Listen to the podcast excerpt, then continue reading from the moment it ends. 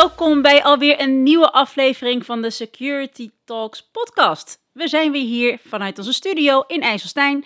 Mijn naam is Rasha Naoum, host van deze podcast. En vandaag een iets andere setting dan we gewend zijn. Want Alan van Leeuwen, mijn partner in crime, die is er helaas niet bij. Alan, we missen je. Maar ik heb twee hele leuke andere collega's hier aan tafel. Namelijk Peter van der Lans, voor onze luisteraars uh, een nieuwe naam, want die is hier nog niet geweest. Peter, van harte welkom. Ja, dankjewel. Leuk om erbij te zijn een keer. Ik, uh, ik heb er zin in een aflevering samen met jou. Ik ook, altijd. Mooi. En Thomas van Donk, niet nieuw voor, uh, voor onze vaste luisteraars. Je bent natuurlijk in een van de eerste afleveringen al uh, hier geweest. Leuk dat je er weer bij bent, Thomas. Ja, dankjewel. En toen vond ik het ook erg leuk om erbij te zijn. Dus uh, nou, leuk om weer aan tafel te zitten. Wij, uh, wij hebben een dag, of een dag, een dag, een podcast die vandaag net iets anders uh, uitpakt dan uh, normaal. Want normaal gesproken gaan we wat meer gericht op zoek naar actualiteiten die, uh, die we hier aan tafel met elkaar bespreken. Vandaag staat wat meer in het teken van een aantal hele interessante thema's, als je het mij vraagt. Um, en voornamelijk hoe security zich eigenlijk heeft ontwikkeld rondom die thema's. En dan ga ik jou als eerste aankijken, Peter. Want uh, ja, ik zie jou altijd eigenlijk helemaal opleven op het moment dat deze thema's aan bod komen in uh, sessies uh, hier met elkaar. Dus zou jij, zou jij onze luisteraars mee willen gaan nemen in wat er vandaag centraal staat? Ja, uiteraard. En nou ja, weet je, informatiebeveiliging is, is meer dan werken. Het is, het is natuurlijk ook passie om klanten en het land veilig te houden op, op dit vlak. Dus nou, inderdaad, als daar de onderwerpen over gaan, dan is er een sprankeling en ja, een, een, stukje gepassioneerdheid om, om dat over te brengen. En ik vind het leuk om dat ook vandaag in deze podcast misschien een beetje uiting te brengen. De, om te beginnen, ja, ik zit al jaren natuurlijk met klanten in gesprek over informatiebeveiliging. En altijd als ik ergens enorm, ook als ik de eerdere podcast van jullie beluister, in, in, in hele technische details verzeild raak, dan til ik mezelf altijd op. En is het al jarenlang eigenlijk de vraag, continu weer, wat beveilig ik nu waar tegen? Dat is eigenlijk altijd de, de, de simpele vraag. Zo van als je ergens in verzult, joh, even terug, wat beveilig ik uh, waar tegen? De, de vraag die ik dan uh, eigenlijk de laatste tijd heel erg uh, tegen het lijf loop, is de convergentie van IT en OT. Dus daar waar ik de volwassenheid in de IT-wereld en met IT-managers en met engineers in de IT-wereld, nou ja, eigenlijk op een volwassen manier bespreek. En iedereen de voorafgenomen, nou ja, zeg maar, aannames al een beetje getoetst heeft bij elkaar. Hè. Iedereen weet wat een firewall is. Als je praat over een sok, dan, nou ja, dan is het nog af en toe wel eens de nuances. Wat bedoel jij met een sok, wat bedoel jij met een sok? Maar iedereen heeft dezelfde vocabulaire, dezelfde termen en redelijke volwassenheid. Op het moment dat je uh, ja, eigenlijk nu steeds de IT en het internet ook zijn intrede doet in productieprocessen, en met nou ja, de komst van 5G, met Internet of Things, ja, overal uitgerold over het, over het land. Ja, zie je toch weer ja, nieuwe vragen opkomen die je ook anders moet, moet adresseren en je weer scherp houdt en aan denken stelt. En een van die dingen is, ja, bij IT ga je eigenlijk automatisch al, jaren uit van de CIA, confidentiality, integrity en availability. Dat is eigenlijk waar je, waar je het voor doet. Elke derde dinsdag kun je patchen. Nou, dat wordt al wat vaker, maar er is een tijd voor. Iedereen heeft dat geaccepteerd. In de SOA's, alles is hè, vooraf al een beetje een bepaalde mate van volwassenheid. Uh, als je nu met iemand in een, uh, in een productiestraat of in een, van een operational plant de verantwoordelijkheid hebt, uh, dan kom je met de CIA niet helemaal weg. Die stelt als, als eerste van, joh, safety. Het moet hier veilig zijn. En ja. de tweede is continuïteit. Het, het, moet hier altijd werken. Want een, een plant, als je even stil ligt, dan. Kost klauw met geld. Kost klauw met geld meer dan een webserver. Hè? Uh, niet, niet degenererend naar IT-processen, maar een fabrieksproces wat plat komt te liggen, dat, uh, dat kost geld. Mits je bol.com bent of Amazon, denk ik. Ja, nou, dat vind ik dan ook eigenlijk nog steeds meer een IT-bedrijf dan een, uh, dan een winkel en een, een operational plant. Hè. Maar uh, inderdaad, daar kun je de, de waarde per minuut uh, kun je goed uitrekenen wat, wat een incident Het heeft in ieder geval meer een directe impact op de fysieke werkelijkheid als OT-systemen uitvallen of wat dan ook dan bij IT-systemen. Nu is het natuurlijk zo dat ook bij grootschalige autootjes van IT-systemen, dan kan het ook zo zijn dat de treinen niet rijden of, of wat dan ook. Maar bij OT is het wel directer. Zou, zou, zou, zou je dat zo kunnen zeggen? Of? Het, het is, uh, ja, uh, en de, de, bij IT zie je vaak mensen een business case maken. Hè? Wat kost de schade? En, en, en uh, als ik het wel doe, wat kost de schade? Als ik het, kan ik het risico nemen? Mm -hmm. Vaak in geld uitgedrukt. Op een OT-plant met safety ja, uh, mensenlevens at stake. Uh, ja. in een chemische plant de risico's in, de, in de omgeving, wat de impact is. Ja, een hele andere business case. Als je het een business case kan noemen. Dus safety first, ja. continuïteit en dan integrity van data. Hè. Dus ja, het proces moet wel goed aangestuurd worden met de juiste waarden. Zeker. Uh, we hebben zo'n klant hier met, uh, met waterschappen. Ja, gaat de kluis open, de sluis dicht bij 3 meter uh, waterstand of bij 2 meter waterstand. Ja. ja waar, waar, waar, ik bijvoorbeeld heel benieuwd naar ben, is worden OT-systemen nou echt vaak getarget? Hè? Er zijn natuurlijk een aantal bekende voorbeelden waarbij OT-systemen ja, getarget zijn met aanvallen. Stuxnet is denk ik de meest bekende daarvan. Um, of is het, is het eh, vooral dat het dreigingsoppervlak groter wordt? Hè? Dus omdat we, uh, laten we zeggen, OT-systemen met lange lifecycles aan het koppelen zijn aan IT-systemen die, laten we zeggen, makkelijker te kraken zijn of te hacken zijn. Hè? Je kan door middel van een phishing uh, aanval credentials bemachtigen en die gebruiken om nou, privileged escalation te doen in zo'n IT-omgeving? En is het risico dan vooral dat we vanuit die IT-omgeving op een gegeven moment naar, naar die OT-systemen uh, eh, toe kunnen uh, en die kunnen besturen? Of zie jij ook daadwerkelijk een toename, laten we zeggen, van aanvallen die op OT gericht zijn? Want ik denk, laten we zeggen, als we het vooral hebben over de trends van 5G, IoT, OT, uh, en dat allemaal uh, koppelen aan, laten we zeggen, de traditionele netwerkinfrastructuur binnen het IT-land. Uh, dat vooral het dreigingsoppervlak een stuk groter wordt. Dus ja, er zijn meer manieren om binnen te komen en de impact is groter als, als het dan lukt om binnen te komen. Ja, dus ik denk dat als je het dreigingsveld ziet, dat dat niet veel anders is dan in de IT. Hè. Je bent actief in een bepaalde branche en je weet welke groepen er actief zijn in die, in die mhm. branche. Hè. Zoals wij ook in ons SOC uh, de threat intel gebruiken en uh, de use cases en uh, de, de protectiemechanismes daar neerzetten waar we weten wat in die branche het meest misbruik van, van wordt gemaakt. Um, maar eigenlijk wat je heel erg ziet is dat tot nu toe eigenlijk altijd de IT en de OT-wereld van elkaar gescheiden waren en van elkaar gescheiden bleven en echt gecompartimenteerd was. En je ziet dat die twee nu in elkaar verweven raken. En eigenlijk de meeste praktijkvoorbeelden die ik, uh, die ik nu om me heen ken, dat zijn toch uh, ransomware aanvallen. Dus die niet doelgericht zijn geweest, maar waarbij je toch in de IT-wereld, of misschien toch op een OTC-systeem, geraakt wordt met een stukje ransomware. Waardoor je, je keten uh, stil komt te liggen, omdat die afhankelijkheid van OT-systemen naar IT-systemen, die wordt toch steeds groter. Ja. Ondanks dat de toezichthouder zegt van joh, je moet dat gescheiden blijven houden ja, de, de, de neiging om, nou, hè, daar waar je vroeger uh, elk proces uh, aangestuurd werd door één terminal die een directe RS232-kabel uh, eh, of een coax-kabel nog had met een, met een machine, heel autonoom, closed mhm. systeem, zie je dat daar dus allerlei ja, specifieke, specifieke protocollen gebruikt worden over netwerken waardoor die afhankelijkheid uh, ontstaat. En uh, iedereen ook in een plan ziet van hey, safety, en dat, is, dat is fijn, maar in plaats van dat we nu zien hoe iets op uh, één machine acteert, ze kunnen ook ineens over een keten heen kijken en een heel stuk optimalisatie in, in het proces gaan doorvoeren.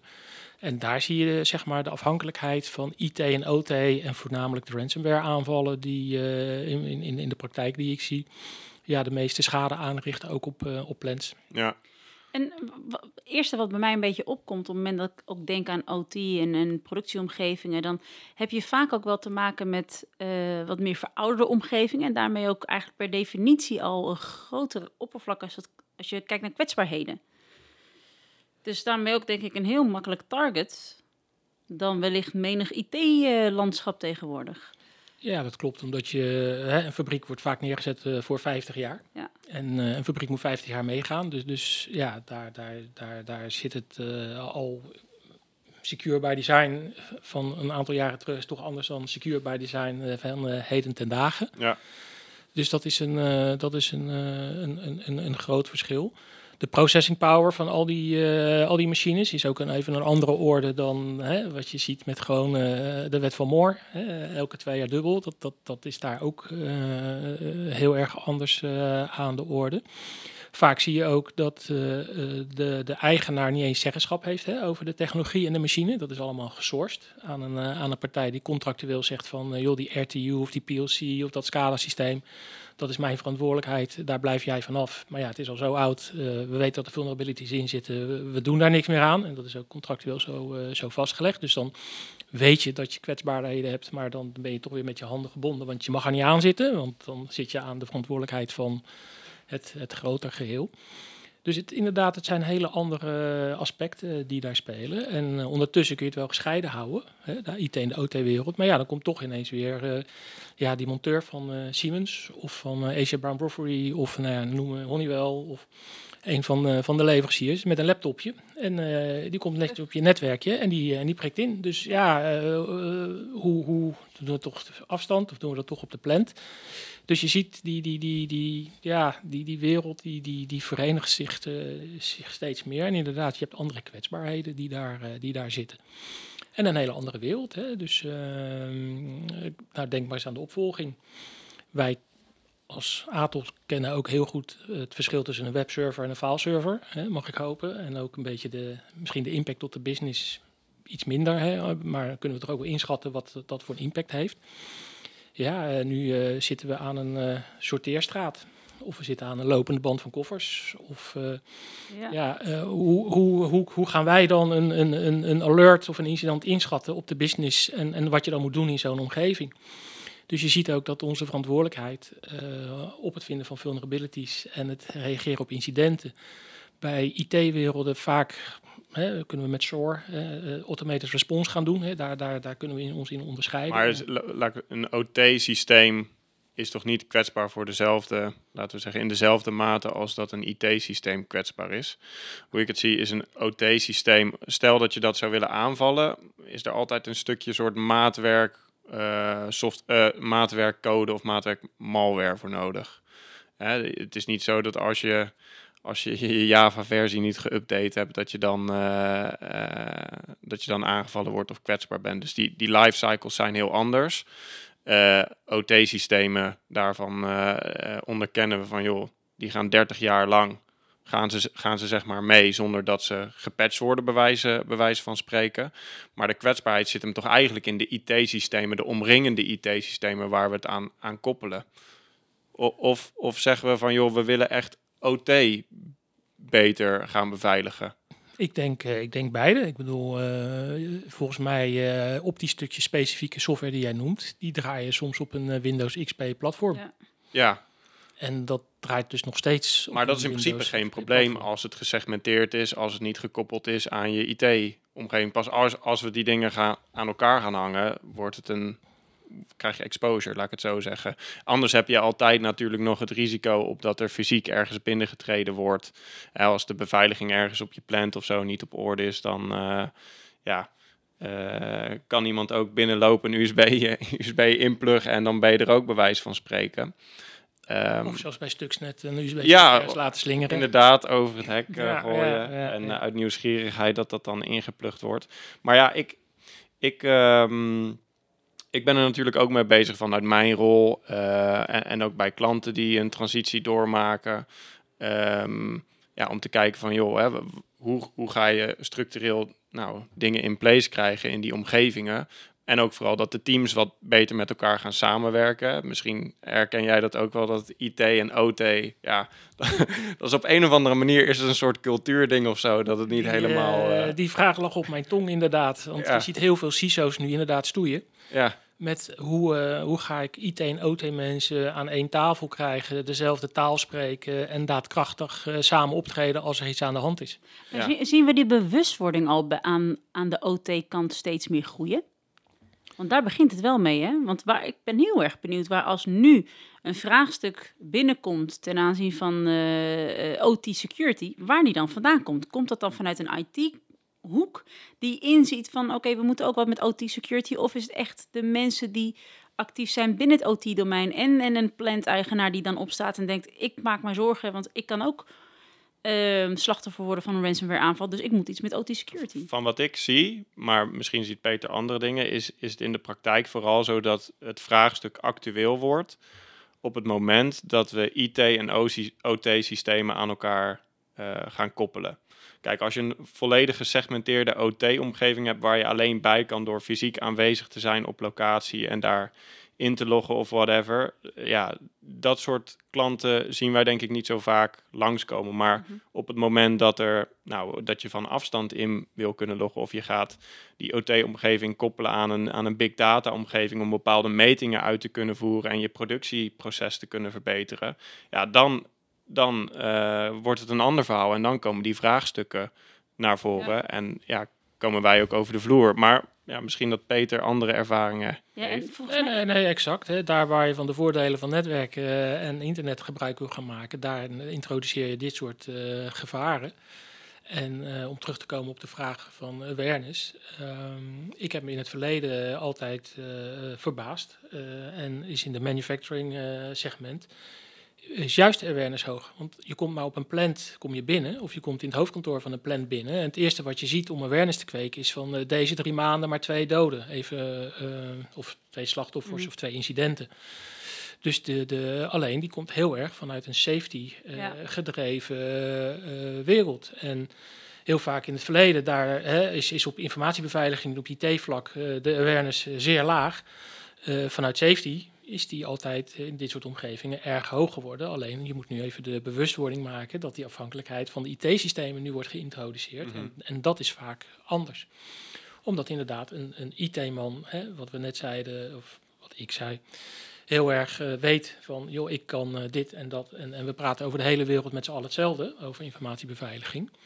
OT, dat is een, uh, ja, die meneer of die mevrouw, die is uh, jarenlang is die met het proces één geworden. Die weet precies hoe die machines en, en hoe dat allemaal in elkaar steekt.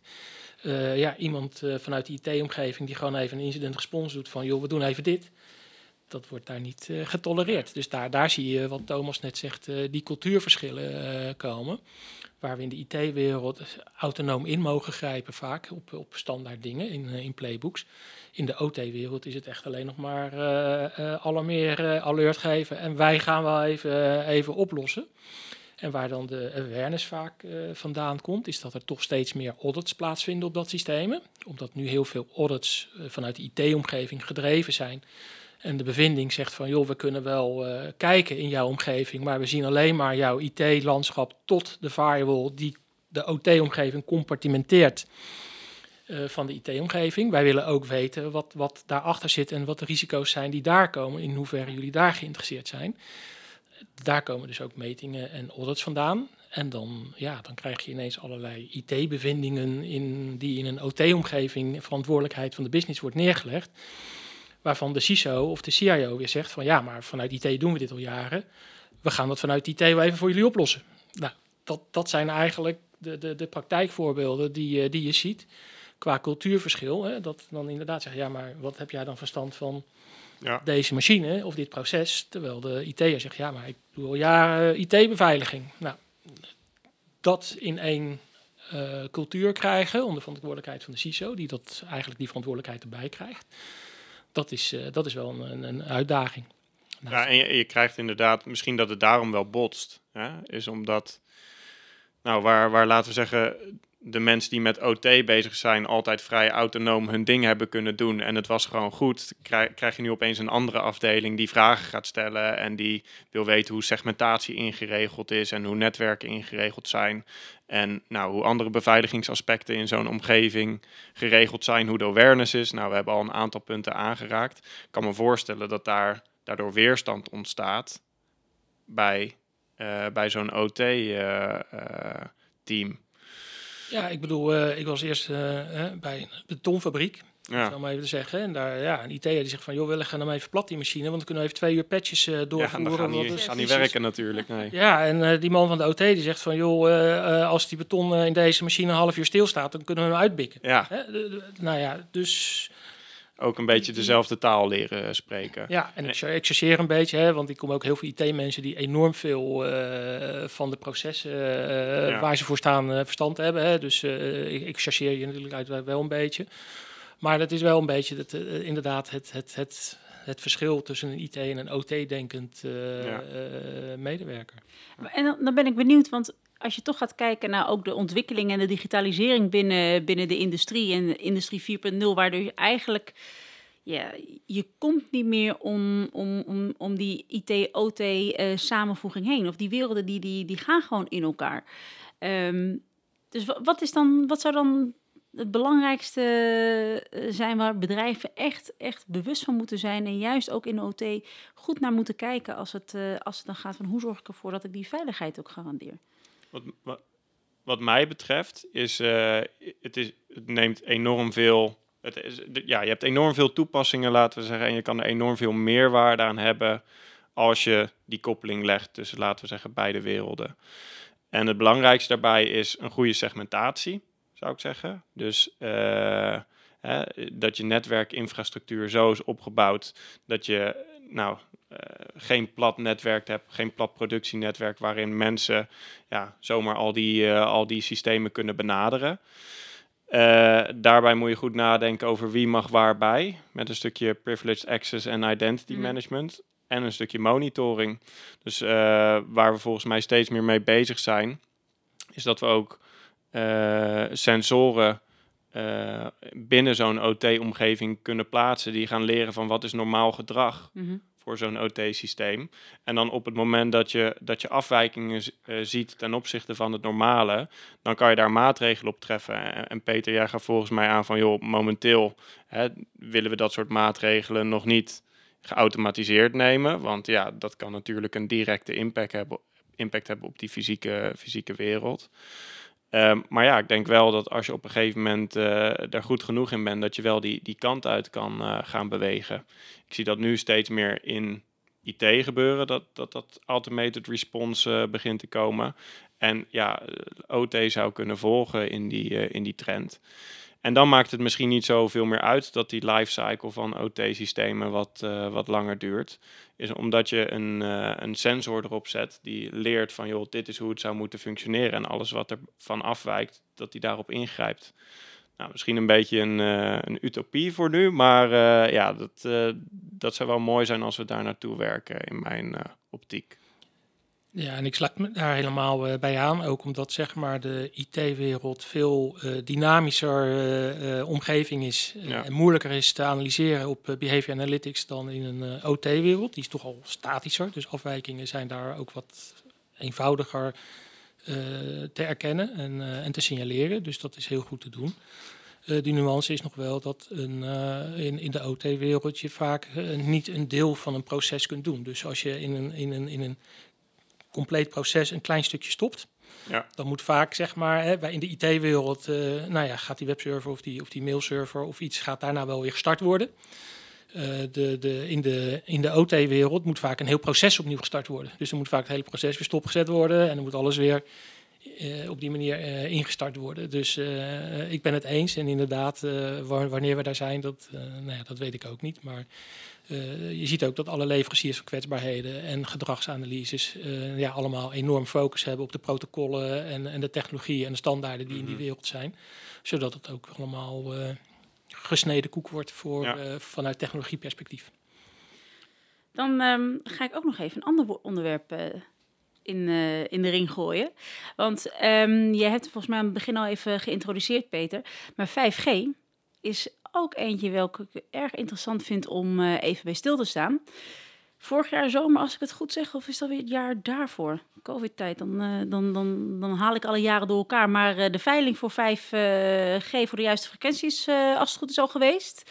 Um, nou, 5G, daar uh, wordt een hoop, uh, uh, ja, is een hoop mee gemoeid. Ik weet dat de telecom operators volop inzetten om te kijken wat, hoe uit 5G weer nieuwe ja, commerciële verdienstmodellen te kunnen gaan realiseren. Tegelijkertijd, ik heb die zelfrijdende auto eigenlijk nog niet in kolonnen helemaal zo gezien. Maar wat, um, wat, wat, wat gaan we tegenkomen op het gebied van 5G en security? Want volgens mij is het ook nog een hele interessante ja, markt of een heel interessant onderwerp om, um, om te gaan verdiepen. Ja.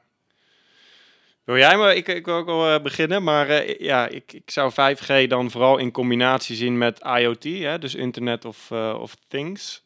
ik denk dat door middel van 5G um, ja, we, we steeds meer kunnen connecten aan elkaar. Dat het steeds makkelijker wordt met lagere latencies om snel uh, upload- en downloadsnelheden, snelle upload- en downloadsnelheden te behalen. En daardoor ga je nieuwe toepassingen zien uh, waar, waar voorheen zeg maar, uh, de toepassingen nog te beperkt waren of dat de snelheden niet goed genoeg waren voor, voor bepaalde toepassingen. En ga je meer apparatuur zien die daar gebruik van, van kan, kan gaan maken. Dus veel third-party apparatuur wat aan zo'n 5G-netwerk gekoppeld wordt door particulieren of door bedrijven en gebruik maakt van dat, uh, van dat netwerk. En dan komen we eigenlijk opnieuw op het ja, waar, we net, uh, waar we net over gesproken hebben, is dat uh, uiteindelijk 5G dus het effect kan hebben, of wat ik verwacht zal hebben, dat het aanvalsoppervlak ook weer toeneemt. Ja. Dus meer connected, meer verschillende devices, meer endpoints en entry points. Ja. Ehm, en dus uh, kwetsbaarder landschap. Gaan we dan ook zien dat, dat uh, devices op een andere manier beveiligd gaan worden? Of dat daarin beveiligingseisen worden opgekrikt? nou ja, er zouden fundamentele wijzigingen dan moeten optreden. Kijk, momenteel is het zo dat, stel dat jij wil iets op de markt, een slimme stofzuiger op de markt brengen nou, je ontwerpt die, eh, die stofzuiger en je doet er een of, andere, een of andere chip in of een kleine computer, eh, waardoor dat ding connected is en dat je nou, vanaf uh, kantoor kan zeggen van joh, ga nu stofzuigen en dan zoekt hij automatisch de weg in je, weg in je huis.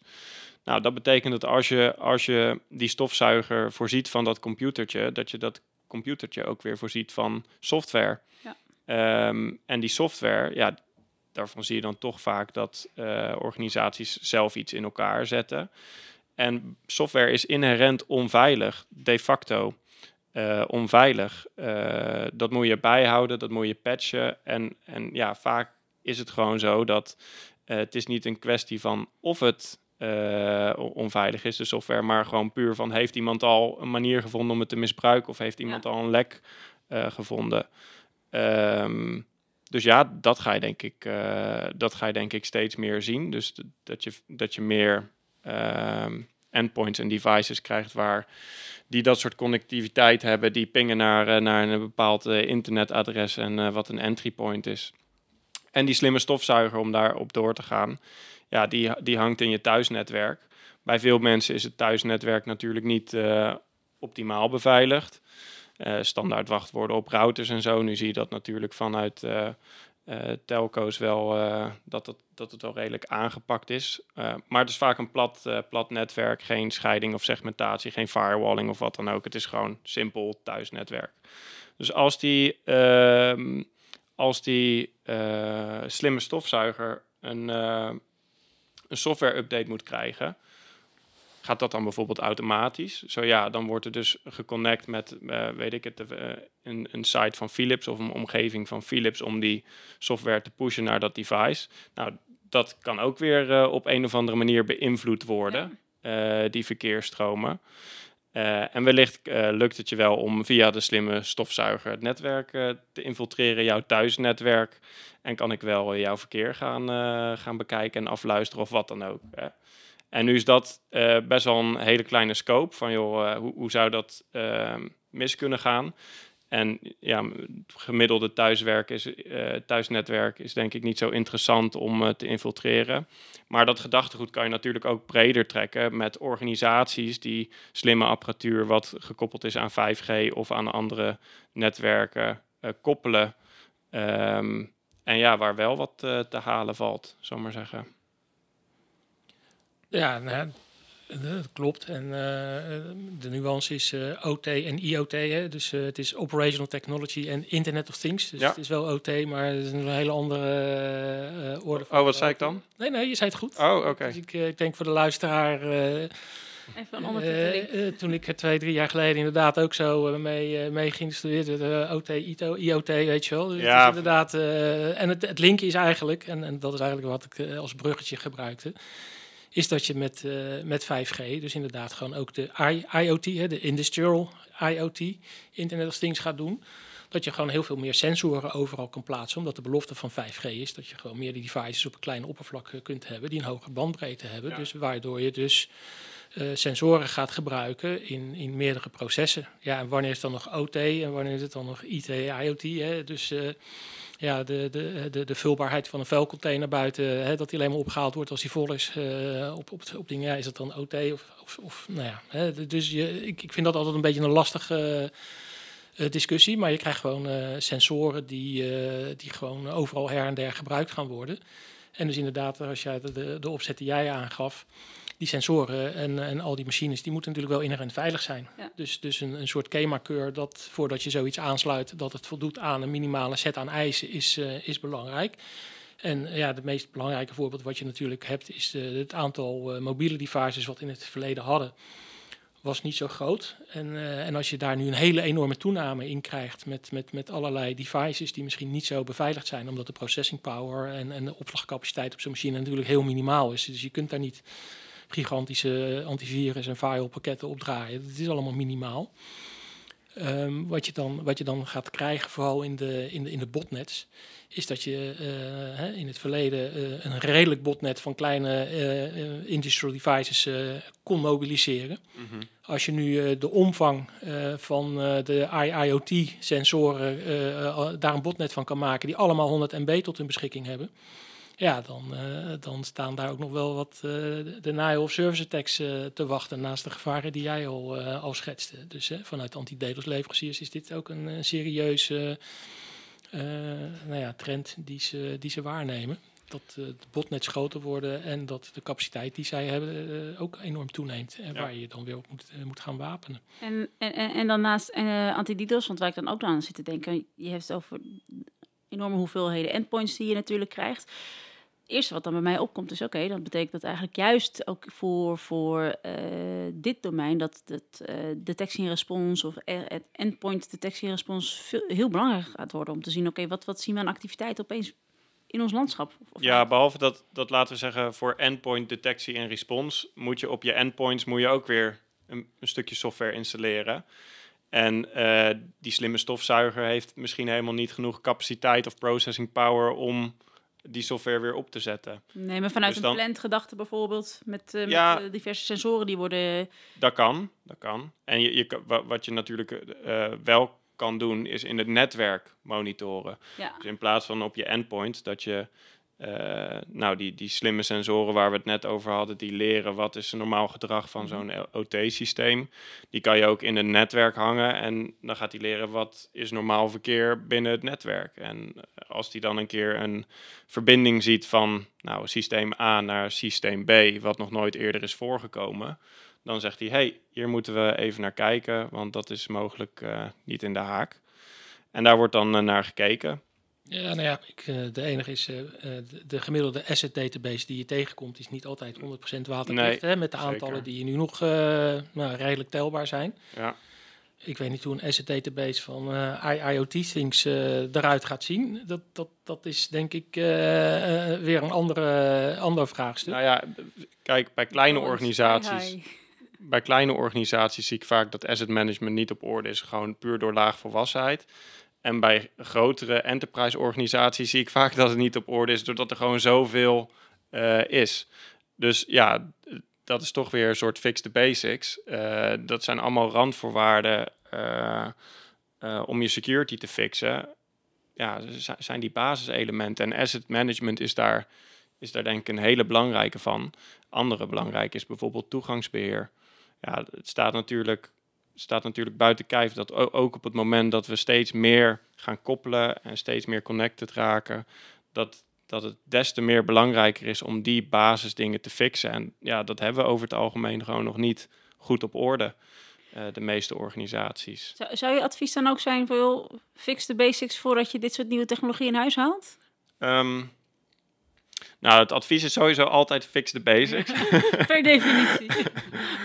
Uh, maar ja, dat zijn risicoafwegingen. En uh, uh, kijk, het kan, het kan zoveel waarde toevoegen om bepaalde nou, stappen te maken en OT aan IT-systemen te koppelen. En ja, als dat zoveel business value kan genereren en dus ook geld kan opleveren, ja, dan moet er gewoon door middel van een risicoafweging gekeken worden van joh, uh, wat is de kans dat het misgaat en welke beperkende maatregelen kunnen nog uh, treffen om tot een gewenste situatie te komen. En als dan blijkt dat om dat risico af te dekken, dat eerst je asset management op orde gebracht moet worden, ja, dan is dat, uh, is dat de uitkomst. Maar jij, jij vroeg van, van, joh, moet er nou fundamenteel iets veranderen in de manier waarop we dat soort dingen beveiligen? En waar ik wel aan zit te denken is dat we meer standaardisatie gaan krijgen vanuit overheid of wat dan ook. Eh, en dus eh, eh, de situatie die ik net schetste, waarbij je eigenlijk veel meer endpoints hebt van allemaal verschillende leveranciers met allemaal hun eigen software en, en wat dan ook. dat je dat gaat proberen te beperken. Dus dat je, dat je zegt van joh, het is wel uh, we gaan een toename krijgen aan devices. Maar als het uh, device X betreft, of device Y, dus we, hè, we hebben het over de slimme stofzuiger de hele tijd, dan wordt er gebruik gemaakt van deze software. En deze software wordt centraal bedacht en geleverd door uh, een bepaalde partij. Ja, dan is het makkelijker om dat te beveiligen. Vanuit een software-oogpunt. Maar ja, dat is, ja, ja, ja, het is wel een opgave. Ik denk met je mee. Het, het competitieve veld is natuurlijk altijd uh, interessant. Hè, om het, uh, Iedereen wil de mooiste app erbij hebben. Houden, dus wat ik een beetje als trend ergens heb gezien bij een leverancier die mij heel erg aanstaat, is dat zeg maar inderdaad nanocomponentjes in, in al die kleine dingetjes komen. En dat er met artificial intelligence ergens centrale brains gecreëerd worden die dat allemaal aansturen. Maar wat bedoel je met nanocomponenten? Nou, dat je een klein componentje hebt in een gloeilamp of in een stofzuiger. Ja. En uh, die, uh, voor de rest zit er geen intelligence, maar die intelligence die zit ergens centraal. Oh ja. Waar je het dus centraal kan aansturen en de policy kan doen. En van daaruit wordt geleerd wat er nu gebeurt in een, uh, in een bepaalde component. He, als de ene stofzuiger met de andere stofzuiger gaat kletsen, dat is raar. Nou, hoe komt dat? En dan kan je meteen vanuit dat centrale component al die stofzuigers instrueren. Ja, dus wat dat het enige wat dat nano-componentje doet, is informatie versturen naar het centrale. En, en, en instructies afwachten. Dus niet, uh, niet, uh, niet allemaal individueel uh, configureren, bijhouden en doen. Maar gewoon op het moment dat jij aangaat, luister je naar hem en, en daar kun je controle mm. Dat, dat is een, ja, iets wat ik, wat ik wel eens zie en waarvan ik in geloof. Dat ik denk van nou, dat is een, een technologie waar je mee, mee uit de voeten zou kunnen gaan ja. komen. Ja, dat, dat is ook iets van, in ieder geval meer standaardisatie. Misschien dat we het daarover eens kunnen zijn. En of dat dan in de vorm is hoe jij het beschrijft. Of, ja, dat, dat weet ik niet. Maar dat we iets, iets van machine learning of iets artificial intelligence nodig hebben om die hele enorme grote hoeveelheid aan, aan componenten te gaan besturen en bijhouden. Ja. Dat, dat, dat is een beetje wat uh, de gedachte die erachter zit. En dat we dat niet meer in lijstjes en databases doen, maar dat dat ook op een andere manier uh, gaat gebeuren. En of je dan meteen die dingen in je OT-proces gaat hangen, dat, dat is dan weer de discussie daarna. Maar dat is wel een beetje waar het heen gaat. Heren, ik vond het een hele leuke discussie. Dank jullie wel voor de onderwerpen die jullie over notabene hebben ingebracht. Erg interessant. Overigens is dit denk ik, uh, of, IoT, uh, 5G, OT, dit, dit gaat nog in een rap tempo zich doorontwikkelen de komende tijd. Dus ik zie eigenlijk al wel weer een, uh, een, een leuke comeback uh, voor over een paar weken, maanden om nog een keertje terug te blikken en te kijken wat er allemaal is veranderd in de tussentijd en wat zich wat zich ja, aan nieuws heeft voorgedaan, dan wel um, ja, interessant is om te delen.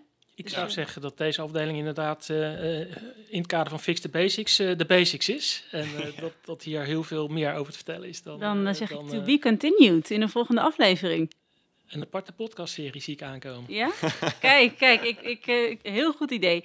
Heren, dank jullie wel voor, uh, nogmaals voor jullie tijd en jullie aanwezigheid. Ik heb erg genoten. En Peter, ik, uh, leuk om gedurende de hele aflevering twinkeling in je ogen te zien. Want duidelijk te merken dat, dat het een onderwerp is wat je graag bespreekt. Um, nou zitten wij midden in de zomerperiode terwijl wij deze podcast opnemen. Ik heb nog een vakantie te goed. Ik weet Thomas ook. Um, nou hebben wij natuurlijk ook altijd nog even een fun tip. Dus ik ben benieuwd, hebben jullie nog een leuk boek, film, serie, vakantiebestemming waarvan je denkt, nou, dit wil ik toch nog even delen met de luisteraar? Um, zo, die komt zo ook even uit de ja. vallen. ja, ja, boeken, boeken zat, zou ik zou Ik weet het. Ik, ik weet het. Oud-collega van ons, Ramses Sloeserwij, ja. die, heeft, die heeft niet zo lang geleden zijn eigen boek op de, op de markt uh, gebracht. Dat is een, uh, nou, een van onze business consultants. Dat boek heet Code Rood. Ja. Um, en ja, uh, ja, veel meer zal ik er niet over, over, over zeggen. Maar het, het, gaat eigenlijk ook een beetje over de trends die wij vandaag besproken hebben. En over hoe kunnen organisaties daar nou mee omgaan. En ook een stukje fix the basics. Dus geeft ook perspectief van, joh, hoe doe je dat? Dus eigenlijk denk ik dat het boek van Ramses wel een heel leuke leestip Mooi. is. Dankjewel Thomas. Deze komt absoluut terug in de show notes. Um, dan zijn we alweer aan het einde gekomen van de twaalfde aflevering, als ik het goed zeg. Um, voordat wij echt helemaal uh, stoppen met deze opname, toch nog even een kleine reminder. Want 29 september, ik heb het in de vorige aflevering ook maar ook nu, een reminder voor in je agenda. Save the date. Dan staat onze Security Talks talkshow gepland hier op ons kantoor in IJsselstein. Nou heb ik gezegd, uh, iedere volgende podcast wat meer vrij te geven, maar ik moet gewoon mijn mond nog houden. En uh, ik kan alleen beloven dat het echt een fantastische dag gaat worden. Uh, nodige partners die hebben al uh, aangegeven hier aanwezig te zijn, keynotes te gaan verzorgen, roundtable sessies staan gepland. En ja, wie ons inmiddels een beetje kent, die weet ook dat we gaan eindigen met een fantastische netwerkborrel aan het eind. Dus absoluut een dag die je niet mag missen. 29 september in IJsselstein. Noteer. Dan uh, zeg ik dank jullie wel voor het luisteren. Ik heb genoten, hopelijk, hopelijk jullie ook. En tot de volgende podcast. Te beluisteren op Spotify of natuurlijk een van de andere kanalen. Tot de volgende keer.